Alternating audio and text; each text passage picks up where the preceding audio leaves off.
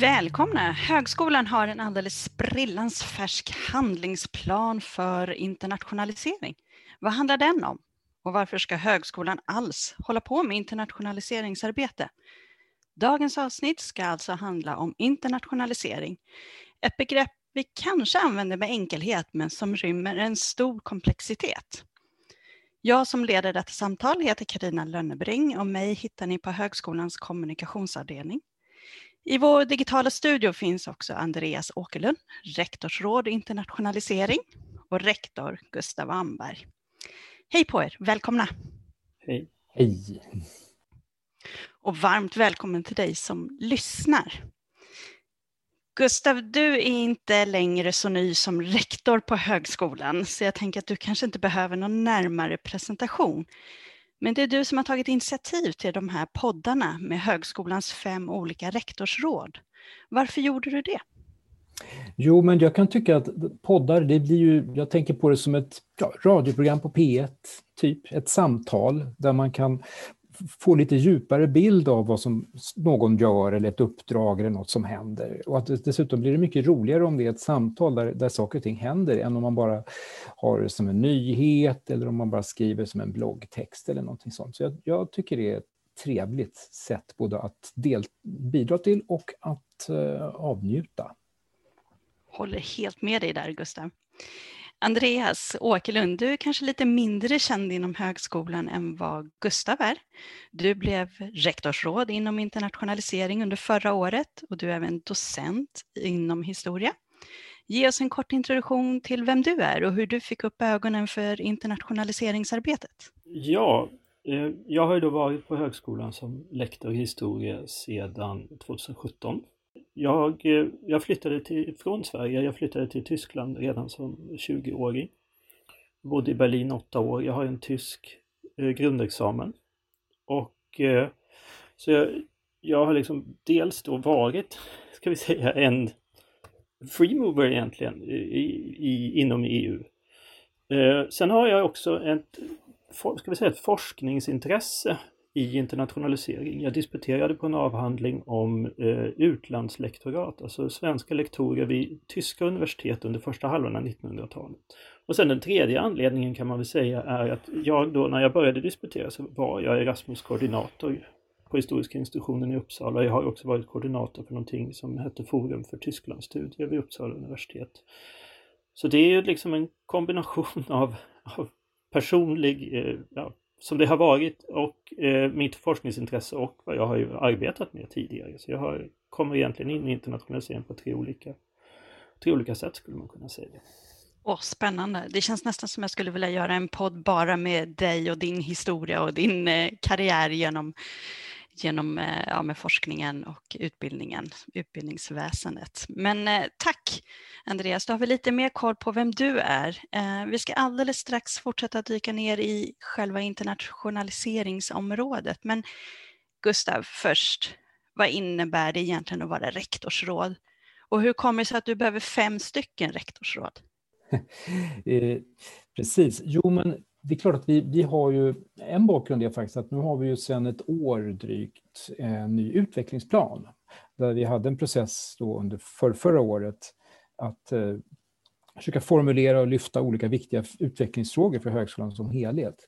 Och, och då identifierar man ju vissa saker där vi behöver liksom ta tag i saker, bli lite tydligare och jobba framåt. Och då behöver man ju en person som driver och som, som kanske då som i Andreas fall har en massa unika erfarenheter kring just det, det, den, eh, en sån fråga. Eh, jag ska inte räkna upp dem alla fem, men vi har ju också ett, ett rektors, nytt rektorsråd för hållbarhetsfrågor och vi har också ett rektorsråd för kvalitet utöver de tidigare som vi hade med fastighetsfrågor och om samverkan. Eh, men ja, så det är väl det. Sen, sen beroende på frågornas art så får, får ju jobbet bedrivas på lite olika sätt. Och det får ju forma sig då allt eftersom vad det handlar om. Men jag tror att eh, vi behöver någon som tar tag i det här och driver på det helt enkelt. Är du drivande, Andreas? Eh, ja, det skulle jag nog säga eh, att jag är. Eh, men som vi kanske kommer att prata om lite senare också så, så är det här också för mig också väldigt mycket en fråga om prioriteringar. Alltså vi måste välja väldigt tydligt vilka frågor inom internationalisering som har prioritet och vad som ska drivas av mig och vad som ligger på andra delar av högskolan. Men jag förstår ju, så jag, jag ser ju det här uppdraget lite som en kombination av, som Gustav säger, att driva frågorna men också kanske bevaka. Som liksom en kombination att, att se till så att vissa frågor inte eh, glöms bort eller, eller eh, slutar att vara aktuella, så skulle man kunna säga. Mm. Och det, det, det, ingår ju, för att fylla på där, det är ju inte bara att ja, en enkel spes på en, genomför de här enkla punkterna, det är också förstås att forma lite, fördjupa policies, så att säga, eller formulera avsikter. Och just det här med internationalisering är ju jättekomplext. Vad är det egentligen det ska handla om? Så att säga? Det behöver vi också jobba med och det, behöver, det är också en fråga att driva. så att säga. Och, och i och med det så säger man, vad ska vi inte driva? Vad, vad ska vi prioritera bort?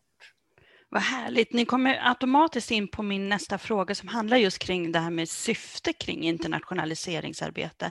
Varför ska vi alls hålla på med detta? Ja, så här. Ehm, det där är ju, alltså internationalisering, som jag förstår det nu, eh, är, är ju ett samlingsbegrepp för egentligen skulle kunna vara relativt disparata eh, fenomen. Jag menar, vi är en myndighet med liksom forskning, utbildning och samverkan som liksom huvud, eh, huvuduppgifter. Och inom de här olika områdena skulle jag vilja påstå att internationalisering kan se ganska olika ut.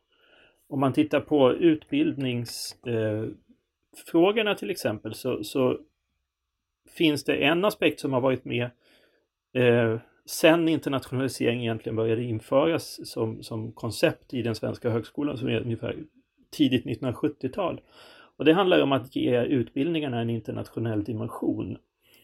Och det man menade där, och det man fortfarande menar med det här, det är dels kunskap om internationella förhållanden, alltså eh, utbildningarna ska vara utåtblickande i liksom stoff och innehåll. Men också att eh, studenter ska kunna relatera till internationella vetenskapliga kontexter en annan tydlig eh, del av internationalisering, det är ju det som jag tror att de flesta tänker på när de hör ordet internationalisering, det är mobilitet, alltså olika former av personmobilitet, kortare mobilitet, längre mobilitet, ingående, utgående, allt, antingen att vi vid högskolan åker någonstans eller att det kommer så att säga eh, folk till oss från utlandet. Men sen har vi liksom forskningsdelen och där handlar det ju snarare om att ge forskare möjligheter att bedriva internationellt högklassig forskning. Naturligtvis. Som är relevant i ett internationellt perspektiv och för eh, andra forskare helt enkelt i andra, andra länder. Eh, vi, det handlar också om finansieringsfrågor eftersom en större och större del av, av forskningsfinansieringen är antingen internationell, alltså främst för vår del i, inom ramen för EU, men det finns ju även andra. Men vi har ju också svenska finansiärer som ställer större krav på internationellt samarbete när man ska skapa forskningsprojekt. Och det här gör att vi som högskola måste aktivt se till att vara en part i sådana här internationella samarbeten. Sen har vi eh, frågan om, om eh, internationella rekryteringar naturligtvis. Både när det gäller studenter och, och eh, lärare, forskare. Det finns en uppfattning om att internationalisering eller internationella samarbeten är så att säga, kvalitetsdrivande på grund av att eh, människor eh, som rör sig kommer med, med nya idéer, med nya uppslag, att, att liksom internationella miljöer är mer dynamiska och så vidare. Och det ställer, men det ställer ju då också högre krav på oss som, som eh, högskola. Att kunna skapa och upprätthålla både den typen av miljöer och den typen av administrativa strukturer som krävs för att de miljöerna ska kunna fungera. Kvalitetshöjande säger Andreas. Gustav, vad tänker du där? Alltså den första observationen är väl att världen är ju global nu för tiden. Eh, det mesta man gör är ju sker ju så att säga inte i ett nationellt sammanhang men, men har i alla fall många viktiga internationella dimensioner. Så det är klart att det, det, det är nödvändigt helt enkelt. Och sen ligger, i det där ligger väl att man behöver utmanas av att någon, någon som har erfarenhet från helt annat håll kommer och säger jaha, varför gör ni på detta viset så att säga. Och det kan ju ske, jag menar, har man en studentgrupp med studenter som har kommit på masterprogram till exempel från många olika lärosäten, då, då har man ju andra förkunskaper i den gruppen till exempel. Både vissa förkunskaper som man kanske som lärare då förutsätter finns, som, som inte finns, men sen andra förkunskaper som, som finns. Det sätter ju press i, på alla inblandade. Det, blir mycket, det kan bli väldigt spännande studentgrupper på det sättet och bara det är ju en kvalitetshöjning. Eh, och sen ska man, det, det, är lite grann som det jag tror du sa också Andreas, att vi tänker lätt, lätt man tänker lätt på studentmobilitet om man säger internationalisering. Men, vi, men forskningen är ju förstås också sån. Där har man en helt annan, det har en helt annan karaktär, ofta mycket mer så att säga, individbas. Men, men det är ju förstås också väldigt tydligt där att man, man behöver ha sammanhang där man har kontakter med folk på andra håll med andra kompetenser. Där har vi ju alla våra, våra, våra, våra tentakler och våra nätverk, inte minst i det forna öst och så vidare. Så, precis det här jag tror jag är viktigt för oss att, att, att komma ihåg på, på högskolan, att det finns inte en, ett, ett sätt eller liksom en, en, en internationaliseringsmall för varje, varje högskola och varje miljö har sina förutsättningar. Södertörns högskola har sina förutsättningar i till exempel eh, Östersjö, Östeuropa-riktningen. Så, så det är ju liksom en, en, en förutsättning som vi har som vi som måste tas hänsyn till. Men sen ska man ju också då, när vi pratar om det så här helt plötsligt så skulle man kunna göra invändningar, men då behöver man egentligen inget rektorsråd för allt det här görs så att säga ändå. Det borde göras ändå i verksamheten, eller hur? Eh, men då har vi liksom det här att, att vi verkar i ett nationellt utbildningssystem där lagstiftarna, och även om det liksom finns en, en vilja till internationalisering så är ändå den, den nationella ramarna är de som är styrande för oss. Det är de viktiga ramarna och det är de som kommer att, att gå före i liksom, om, om, om man måste prioritera. Så, så, så, tror jag att det är. Och där, därför så finns det saker då som är så att säga allas allas angelägenhet på högskolan, till exempel utbytesprogrammen om jag tänker så, men som måste hanteras centralt på högskolan men som egentligen ska serva hela, hela högskolan så att säga. Och, och där eh, behövs det ju en, en, som jag ser mig också lite grann som, som, som funktionen som ska gå mellan ledningen, eh, administrationen och, och eh, eh forskning och utbildning. Så att just det här som är, så att säga, har, har gjorts till centralt av så att säga, resursskäl inte känns som någonting som inte angår högskolan som helhet. Mm. Och man kan väl tillägga, bara för att saker och ting så borde göras överallt, så det är nästan ännu större anledning att man måste göra det synligt då på, ett, på något sätt. Och, och även där försöka ha någon riktning och, och eh, strategier för det. Mm. Gustav, du säger att vi lever i en global värld och det gör vi ju onekligen eh, och det är ju svårt att gå runt att vi har en coronapandemi just nu. Eh, hur eh, tänker ni kring internationaliseringsarbetet och ja, den rådande pandemin? Vilka utmaningar har den fört med sig och vilka möjligheter har ni sett? Det är ju väldigt lätt att tänka utmaningarna och det är väldigt, jag har ju brukat varje terminstart så ingår ett av mina trevliga sysslor att säga hej till de nya inkommande utbytesstudenterna. Och det brukar vara en ganska full föreläsningssal. Du är ju väldigt trist. Det har faktiskt kommit en liten tiotal kanske, eh, de här terminstarterna. Eh, så jag, sist hade vi en, trots det på Zoom naturligtvis. Eh, så, så det är klart att det, det, är helt upp och ner på det sättet. Va? Så att, men ehm, det, det, det, det, finns ju lite forskningsprojekt som vi har engagerat sig i där, där vi på lite europeisk bas ska, ska mäta opinioner kring coronafrågor. Så, att, så att det är klart att det, det finns ju forskningsfrågor att ta sig an naturligtvis. Det är ju det, alltså, jag säger så här, jag, jag tillträdde första mars förra året, så jag känner egentligen inte till internationaliseringsarbete utan coronapandemi. Eh, och, och, det som har stått i fokus då för, för för mig 2020, det har ju varit den här eh, handlingsplanen som det var, det var ju det centrala förra året för, för min del.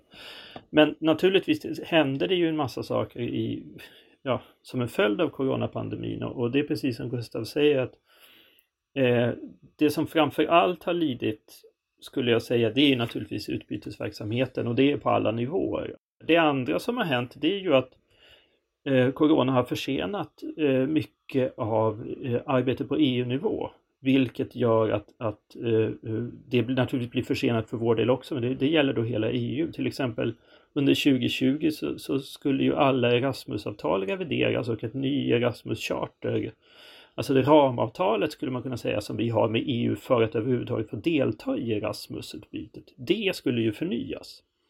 Och det blev ju naturligtvis väldigt försenat, delvis på grund av Corona men också på grund av Brexit. Så det är nu äntligen i hamn. Ehm, men det tog naturligtvis mycket längre tid än, än eh, planerat. Ehm, många EU-utlysningar är försenade på grund av Corona. Så, så där har vi en ganska tydlig liksom negativ eh, följd av pandemin. Den enda positiva jag kan se, förutom det som Gustav sa med eh, att det finns forskningsprojekt man kan vara med i så att säga, det är ju att eh, hela den här övergången till eh, det virtuella undervisandet, Zoom-klassrummet eh, och så vidare, har ju sänkt trösklarna tror jag hos lärarkåren i stort för den typen av undervisning, vilket öppnar för det man brukar kalla eh, för, för, eh, alltså för virtuella utbyten, det vill säga att eh, olika former av distansundervisning, samarbete med, med utländska lärosäten som skulle kunna vara, kanske borde vara en del av den framtida internationaliseringen. Precis, och så tänker jag att det blev ett ypperligt tillfälle för dig att, att få den här handlingsplanen tillsammans med International Office på, på plats här då. Ja. Om vi ska djupdyka lite grann i den här handlingsplanen, den spänner ju över flera delar och eh, eh det är ett gediget dokument och nu hoppas jag verkligen att lyssnare eh, hänger med, för nu eh, blir det djupdykning tänkte jag säga. De här fyra områdena, det är ett, breddad och bättre strukturerad långtidsmobilitet. Ni har varit inne på mobilitetsbiten. Det är två, tillvaratagande av studenters och anställdas internationella erfarenheter i verksamheten. Tre, internationalisering på hemmaplan. Det nämnde du alldeles nyss här nu, Andreas. Och det fjärde området är internationella forskningssamarbeten och internationalisering av forskning och det var ju också ni inne på alldeles nyss. Men om vi tar en i taget här nu då, så börjar vi med den här första delen, breddad och bättre strukturerad långtidsmobilitet. Alltså vad handlar det om här? Det vi ska göra med långtidsmobiliteten framöver är att dels ska vi vi har ju i nuläget eh, ett rätt omfattande utbyte, eller i nuläget, vi har rätt många avtal. I vilken mån utbytet fungerar just nu är en annan fråga, men vi har ju många avtal med utländska lärosäten. Det, det, vi skulle vilja göra de, de kommande åren det är att fördjupa samarbetet inom utbildning med några av de här eh, genom att fokusera kanske mer på gemensamma kurser, program skapa gemensamma examina. Alltså, vi har medvetet valt att inte ha ett kvantitativt mål, att säga det, ska, det är ännu fler som ska resa, utan vi vill ha ett, ett, liksom ett mervärde i de utbyten som finns. Så kan vi säga. Eh, och ett sätt är då någonting som heter European Universities Initiative en annan utlysning som har blivit försenad inom EU, nämligen där man skapar stora universitets och lärosäteskluster inom EU som, som fokuserar på ett ämnesområde eller en frågeställning och så vidare, där då både forskning och utbildning ska ingå.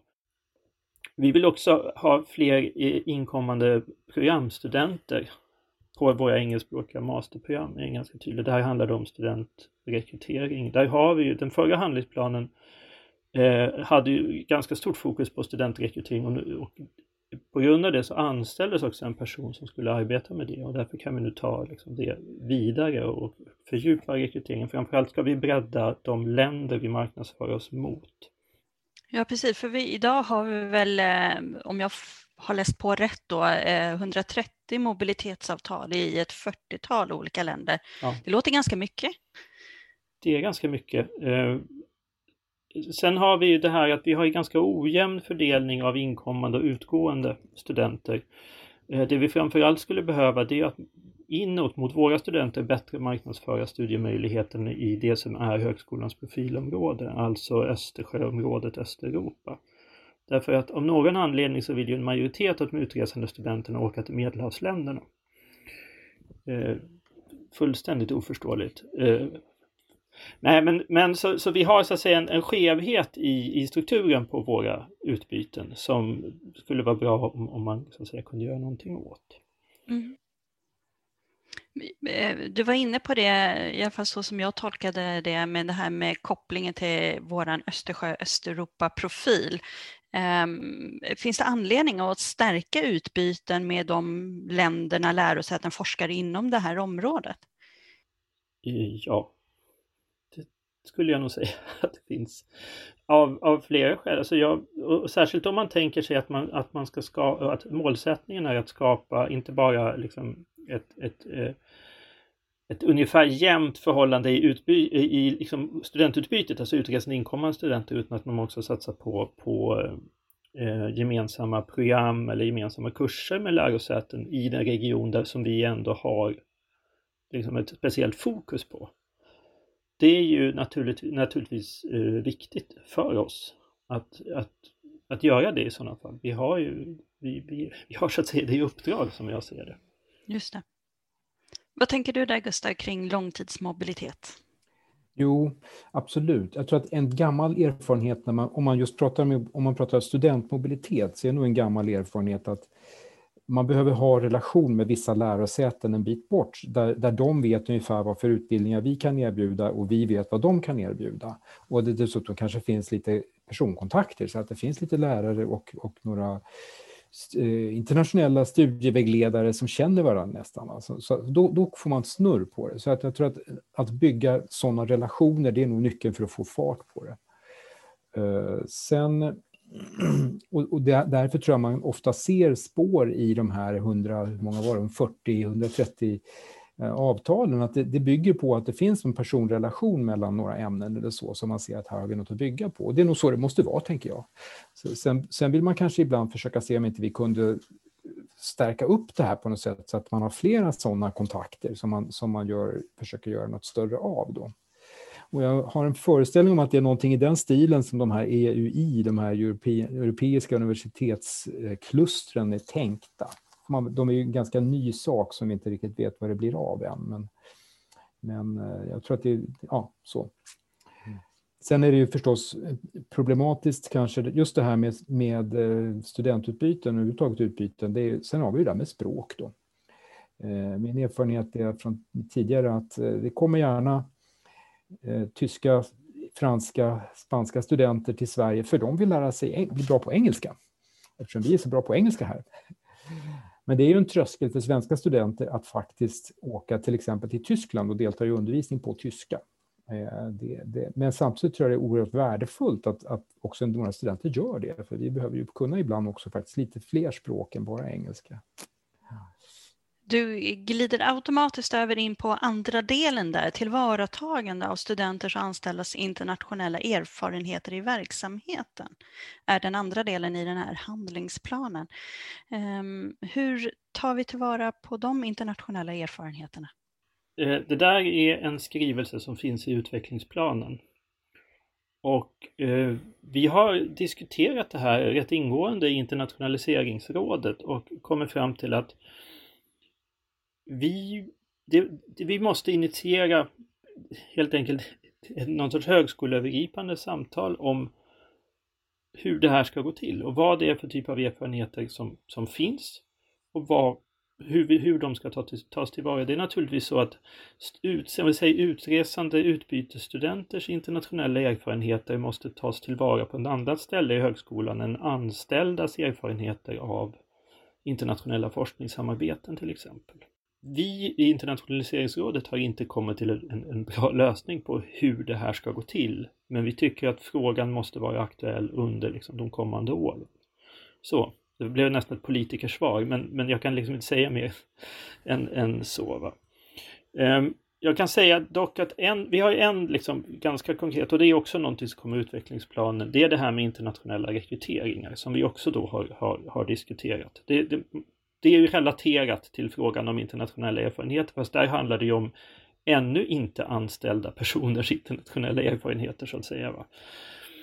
Och här är ju någonting som, som är en ständig fråga just i rekryteringssammanhang, inte frågan om internationella meriter. Så hur ska de, hur får vi sakkunniga att värdera dem på ett korrekt och schysst sätt, så att säga. Det är, och det där är en ganska konkret fråga som jag tycker man ska ta tag i under, eller som inte jag tycker, vi ska ta tag i under de närmaste åren. Att kanske med bättre instruktioner både till sökande och till sakkunniga hur man ska ställa upp dem och hur, hur man ska tänka kring internationella meriter. Det tror jag är, skulle vara bra för såväl sökande som sakkunniga som för rekryteringskommittéerna. Att, att det liksom, den frågan eh, togs upp. Mm. Så. Ja, bra. En konkret åtgärd där. Gustav, ville du flika in någonting?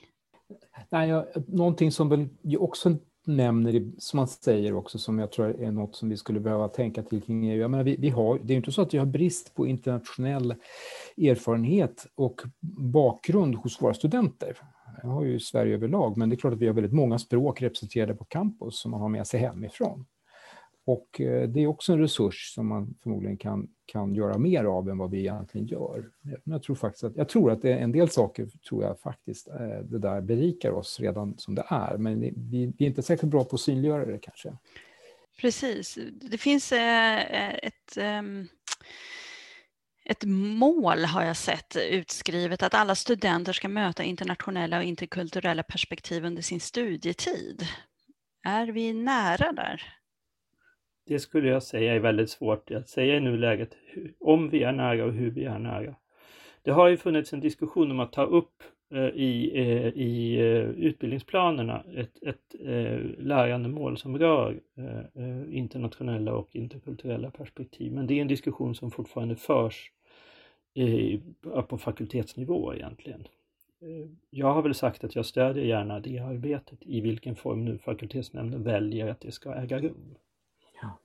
Jag, jag, jag, tänker att det är säkert väldigt olika. Det har förstås att göra med vad, vad den, den utbildningen handlar om och sen så har det att göra med är, vilka lärarna och vilka är studenterna. Och, och eh, jag har fått beskrivet för mig att det var någon som hade varit i Uppsala och undervisat inom religionsvetenskap och att det var en helt annan upplevelse att hålla ungefär samma kurs på Södertörn, därför att studenterna var en helt annan typ av grupp. Och att det, det fanns väldigt mycket saker som de förde in helt enkelt i diskussionen. Och det är också en aspekt i det här, tänker jag. Precis. Knyter den till den här komplexiteten i internationaliseringsfrågan? Precis. För, för det som händer är ju egentligen att, att det där, nu går vi direkt, det låter som vi har övat här nästan, men vi går direkt över egentligen på, på det som handlar om internationalisering på hemmaplan. Det, har ju liksom, det är ju den här typen av frågor, alltså hur får vi in internationella, interkulturella perspektiv även för de studenter som väljer att inte delta i, i mobilitet, för det är ju ändå den stora majoriteten. Va? Och där har vi då den här idén som jag nämnde tidigare att eh, arbeta med virtuell mobilitet eller det man kallar så blended mobility, alltså kortare utlandsuppehåll i utbildningen parat med distansundervisning till exempel.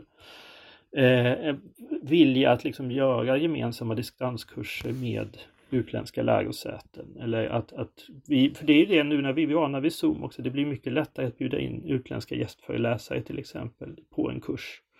Om man kan ha undervisningen på det sättet.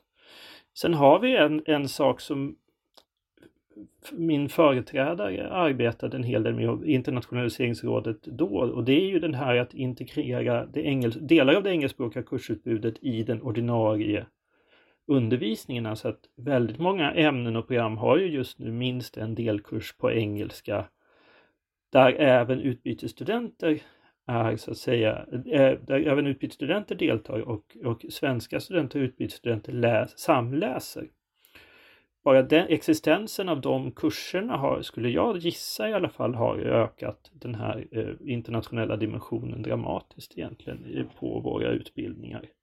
Och det hänger då också ihop med en annan sak som, som står i handlingsplanen, nämligen att de här lärarna som ska undervisa de här studentgrupperna ställs inför en, som jag tror Gustav var inne på också redan innan, det är en annan typ av studentgrupp än de kanske är vana vid. Det här är ju, eftersom gruppen oftast är mycket heterogenare, både när det gäller utbildningsbakgrund och språkkunskaper, så ställer det helt andra krav på våra lärare och där måste högskolan ge de lärarna på de kurserna en möjlighet att fortbilda sig eller någon typ av forum där, där det här behandlas. För annars kommer de här, jag är rädd att de här kurserna kommer att ses som jobbiga, tunga och så vidare så att säga. Och, och det, det, är inte bra utan det här är kurser, de måste ses som en del av det ordinarie kursutbudet. Och de må, och det, men det kräver att de lärarna, att det finns så att säga en möjlighet att fortbilda sig för den typen av kurser helt enkelt. Viktigt, viktigt och, och, som du sa, det var den tredje delen eh, med internationalisering på hemmaplan. Den fjärde och sista delen i den här handlingsplanen handlar om internationella forskningssamarbeten och internationalisering av forskning. Fördjupa det här lite för mig och lyssnarna. Ja, här är det ju så. Ja, här skulle jag säga att den här handlingsplanen väldigt mycket är en fortsättning på den tidigare handlingsplanen. Den tidigare handlingsplanen hade ju identifierat ett problem som handlade om stöd till eh, just ansökningar internationella forskningsfinansiärer. Och det är ju åtgärdat i och med att man har anställt en, en, en forskningsrådgivare med fokus på främst på EU-finansiering. Så det som står i den här delen av handlingsplanen ser jag väldigt mycket som en, en, en, eh, liksom en fortsättning på det och då har, vi fokuserat eh, och det här har ju så stöd i den enkät som vi skickade runt bland ämnen och program och, och miljöer och så vidare. Det handlar väldigt mycket om, om eh, dels det här mottagningen av, av gästforskare som sker på väldigt olika sätt och som sker på, på väldigt olika eh, delar i, i, i, på högskolan och med olika typer av finansiering och så vidare. Eh, men sen har vi också den här frågan och det här arbetar ju HR redan med vad jag förstår den här eh, alltså ans kvalitetssäkra stödet för inresande internationella forskare och forskarstudenter. Men det tyckte vi var viktigt nog att ha med i handlingsplanen. Sen har doktorand, doktorandernas alltså grupp egentligen drivit frågan om, som gäller doktoranders utlandsvistelser.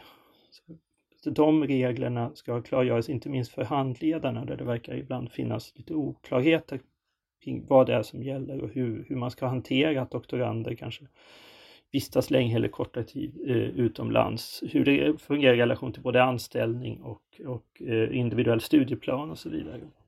Och den sista frågan är ju det här eh, språkfrågan. Alltså anställer vi människor som, eh, eh, som inte talar svenska eller som inte talar tillräckligt bra svenska måste vi på något sätt se till att stödja deras språkutveckling. För det är väldigt viktigt för högskolan. Internationella rekryteringar är jätteviktigt för, för kvaliteten men det är också viktigt för kvaliteten att de här människorna kommer in i liksom, myndighetsagerandet, eller vad man ska säga, att man ska kunna fungera i den här miljön också så fort som möjligt. Och därför måste vi undersöka möjligheten till språkstöd eller språkkurser, antingen för Antingen att vi kan arrangera dem i egen regi eller om vi kan söka ett samarbete med något större lärosäte i regionen. Det finns lite olika lösningar tänker jag, men någonting tycker jag att man ska göra. Mm. En, en, viktig del i forskningen är ju det här med finansiering. Eh, och när jag gjorde min eh, research inför det här avsnittet här då, så fick jag höra att du Andreas, du är eh, en klippa på det här med finansiering och internationalisering. Vad har du för tips där? Börja i tid. Det tar mycket längre tid än man tror. och, och, och sen eh, det, det, man, man måste, eh, beror på vad man ska söka för, om vi säger så. Ska man söka forskningsprojekt måste man naturligtvis sätta ihop en, en, en, en eh, forskare, samarbeta med forskare som, som man kan samarbeta med, men det gäller ju för alla forskningsprojekt.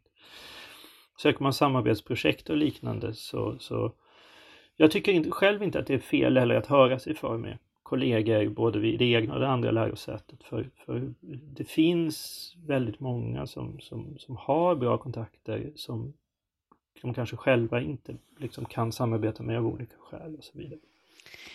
Toppen. Eh, hoppas att eh, lyssnarna har hängt med här nu på de här fyra olika delarna eh, i handlingsplanen för internationalisering. Den sträcker sig ju som ni var inne på fyra år fram i tiden. Kommer vi ha nått de målsättningar som finns beskrivna i den om fyra år? Vad säger Gustav? Jag tror att eh, jag, tänker väl att det här är sånt där som man måste vara på och jobba på. Och sen så tror jag vi har väl, jag tror faktiskt inte det står några sådana här jätteenkla siffermål i det här. Jag brukar inte gilla sådana. Så, så, på det sättet så tror jag, känner jag mig ganska trygg med att jag kommer att ha kommit en bit. Och målet kommer alltid ligga bortom där vi är. Så att, eh, men jag tycker att det är en bra inriktning i det här, att vi behöver jobba på de här olika bitarna. Sen får man fånga det som sker upp på vägen naturligtvis. Eh, jag säger ja, eh, naturligtvis. Men i alla fall huvuddelen. Och vissa av de här målen är ju då också uppföljningar av sådant som, som beslutades under förra planen. Men sen vet vi ju inte naturligtvis, vi kan ju inte förutse nästa epidemi, eller jag på att säga. Så, så det, vi, eller det kommer säkert något helt annat nästa gång naturligtvis, det brukar ju vara så. Men huvuddelen är jag övertygad om att vi kommer att kunna genomföra, ja. Det kan komma positiva överraskningar också. Så är det i eh, Högskolans utvecklingsplan så läser jag att internationaliseringsarbetet är självklart för att högskolan ska kunna förverkliga visionen. Men att det också finns en målkonflikt här mellan vårt hållbarhetsarbete och internationaliseringsarbete. Hur, vad tänker ni kring det? Ja, det självklara är att översätter man internationalisering med resande så, får man, så släpps förstås en hel del koldioxid ut och där sitter man ju med det dilemmat. Så det, det, är väl därför man behöver också behöver tänka på många andra aspekter i det här också. Ja. Det är alldeles riktigt. Eh, det finns en målkonflikt eh, och eh, det, jag är nog, tänker nog så här att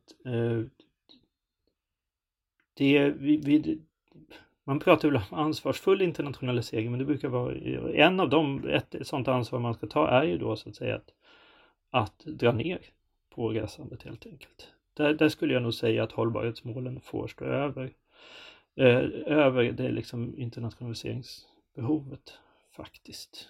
Eh, men men eh, det, det gör ju så att säga inte att vi inte ska resa, men så att säga det är också en anledning skulle jag säga till fokus på långtidsmobilitet snarare än många korta resor till exempel. Eh, I en sån. Eller att satsa på virtuell mobilitet och distanskurser i större utsträckning än att ta hit eh, gästföreläsare för en föreläsning. Just det. Mm. mm. Ja, det kan väl tänkas att vår, vår nu så att säga, lite påtvingade snabba digitalisering har, har kunnat skapa lite nya, nya eh, arbetssätt. Sen, sen lyssnade jag faktiskt på en, det finns ju en annan podd som heter Klimatgap, som förstås har ett avsnitt som handlar precis om det här. Eh, och då, man brukar alltid säga det här att lärosäten är de värsta miljöbovarna vad gäller flygande. Och då var det, eh, I detta avsnitt rapporterades att man hade undersökt en viss miljö då på ett annat lärosäte där man konstaterade att ja, det, men det var ganska få personer faktiskt som stod för väldigt mycket av det här resandet. Och då kan man väl faktiskt ana att det skulle finna, för de personerna skulle förmodligen närmast vara att eh, en förbättring av arbetssättet att resa lite mindre. Och, och, och det fanns faktiskt möj, kanske faktiskt finns möjligheter för oss att göra nästan ännu bättre jobb och faktiskt resa rejält mycket mindre. Just det, Klimatgap som är en av de poddar som eh, högskolan producerar tillsammans med forskare och studenter. Ehm, en helt annan. I år fyller högskolan 25 år. Och om ni fritt får blicka bakåt på internationaliseringsarbetet under dessa 25 år och blicka framåt på de kommande 25 åren, hur går era tankar då? Nu har ju jag inte varit här så länge utan bara sedan 2017. Men det finns en aspekt som jag faktiskt har tänkt på och den har ju delvis med min bakgrund att göra, eh, men också delvis med det vi har diskuterat här. Och det, det här handlar inte bara om högskolan, det handlar inte bara om Södertörns högskola, generellt skulle jag säga i svensk akademi.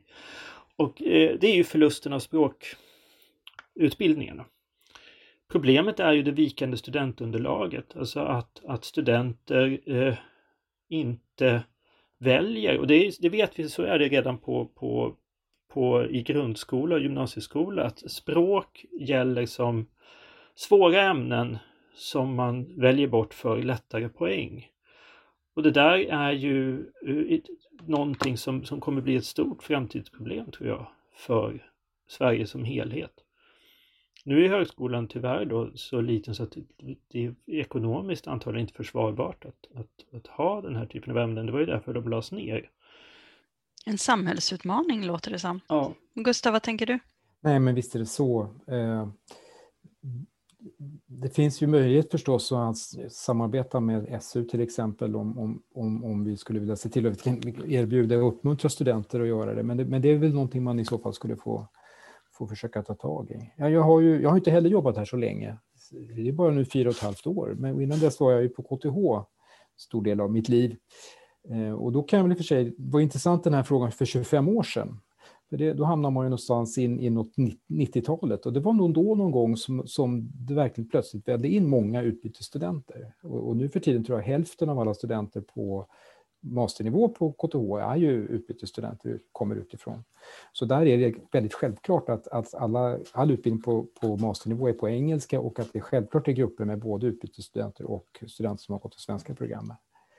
Eh, och det har nog betytt en hel del för utbildning. Men eh, att erbjuda språk som en del i det, det, det kan väl göra, ja, det, det, är väl verkligen någonting att försöka det, både få, se till att vi får intresse för eh, och sen då får vi lösa att vi, vi kan se till att tillgodoräkna det inom våra utbildningar på lämpligt sätt. Eh, det börjar bli dags för oss att runda av det här samtalet, men vi har en eh, fråga kvar. Vi kallar den för stafettfrågan. När vi planerade de här eh, poddsamtalen med högskolans alla rektorsråd så ville vi gärna få in en fråga från en av de andra rektorsråden. Och Andreas, din stafettfråga kommer från Kerstin Kassel som är rektorsråd för fastigheter och utveckling i regionala stadskärnan Flemingsberg. Hon är även docent i arkeologi. Hennes fråga lyder så här. När man talar om internationalisering så är det inte sällan fokus på att ha kurser på engelska. Teorier och metoder är förvisso internationella även i mitt ämne, arkeologi alltså. Men källmaterialet är i huvudsak inhemskt. Det gör att studenterna måste behärska både svenska och engelska för att tillgodogöra sig utbildningen. Hur tänker du kring internationalisering för discipliner som har just ett svenskt källmaterial? Det där är, är, för mig som historiker är det naturligtvis också en högst relevant fråga. Och, och min, min åsikt i den frågan är faktiskt att man ska, att ja, på vissa, eh, på vissa så att säga, på vissa sätt kan, tycker jag man kan, man kan eh, faktiskt använda sig av det inhemska källmaterialet i, i eh, kurser även för utbytesstudenter om de får så att säga adekvat stöd för att kunna använda det. Och då menar jag inte översättningar, men någon sorts eh, hjälp med att dechiffrera materialet. Och viktigt här tror jag naturligtvis anpassat till kursens nivå. Alltså, vi kan ställa helt andra krav på en, en student på masternivå än vi kan på en student på, som, som läser en A eller en B-kurs. Ehm, så, så, och det där är ju nästan en, en, en högskolepedagogisk fråga höll jag på att säga. Alltså hur gör vi bäst det här bäst för, för studenter eh, som, inte har, som inte kan svenska eller kan väldigt bristfällig svenska. Jag är övertygad om att, att eh, det finns ett sätt att, att, så att säga, använda sig av svenskspråkigt källmaterial också. Och då vill jag avsluta också med att säga någonting. Jag tycker Kerstins fråga berör en ganska viktig Eh, aspekt av internationalisering och det handlar ju om att det finns så att säga hela tiden även i internationaliseringen en, en, ska säga, en, en lite dragkamp mellan internationell i betydelsen engelsk och nationell, det nationella. För naturligtvis är det så att, att vi har vissa utbytesstudenter och, och free movers för den del som går masterprogram som, som kommer hit och vill läsa på engelska och sen föreställer sig en internationell karriär. De hade alltså kunnat läsa motsvarande utbildning var som helst i världen. Nu råkar det bli hos oss. Sen har vi en annan grupp som är genuint intresserade av Sverige. Som är här för att de är i Sverige. De kan inte tänka sig att åka någon annanstans. Och vår utbildning måste ju, ta, måste ju erbjuda någonting för båda de här grupperna. Det vill säga, har vi utbildningar som är så att säga för internationaliserade så har vi en grupp studenter som inte är intresserade av dem. Nämligen de som är intresserade av det svenska. Så den balansen tror jag är viktigt att ha med sig in i liksom, internationaliseringsarbetet. Tack! Eh, jätteintressant och vi har varit inne på väldigt många olika aspekter utav eh, internationalisering och internationaliseringsarbetet vid högskolan. Jag tänker att dessa reflektioner får avsluta dagens poddsamtal. Eh, jag tackar Andreas Åkerlund, rektorsråd internationalisering och Gustav Amberg, rektor, för att ni så frikostigt har delat med er av tankar och resonemang kring internationalisering och högskolans internationaliseringsarbete. Ett stort tack också till studenterna Felicia Hovryd och Mikael Jansson som har hanterat den tekniska biten av denna poddinspelning. Om du som lyssnar har frågor eller funderingar på vårt samtal så är du välkommen att höra av dig till shpodd.sh.so och shopodd i ett ord. Där kan du också skicka med frågor inför eh, poddsamtal med kommande rektorsråd. Nästa SO-podd med rektorsråd blir just rektorsrådet för hållbarhet, Jesper Alvarsson. Vi ses då. Tack!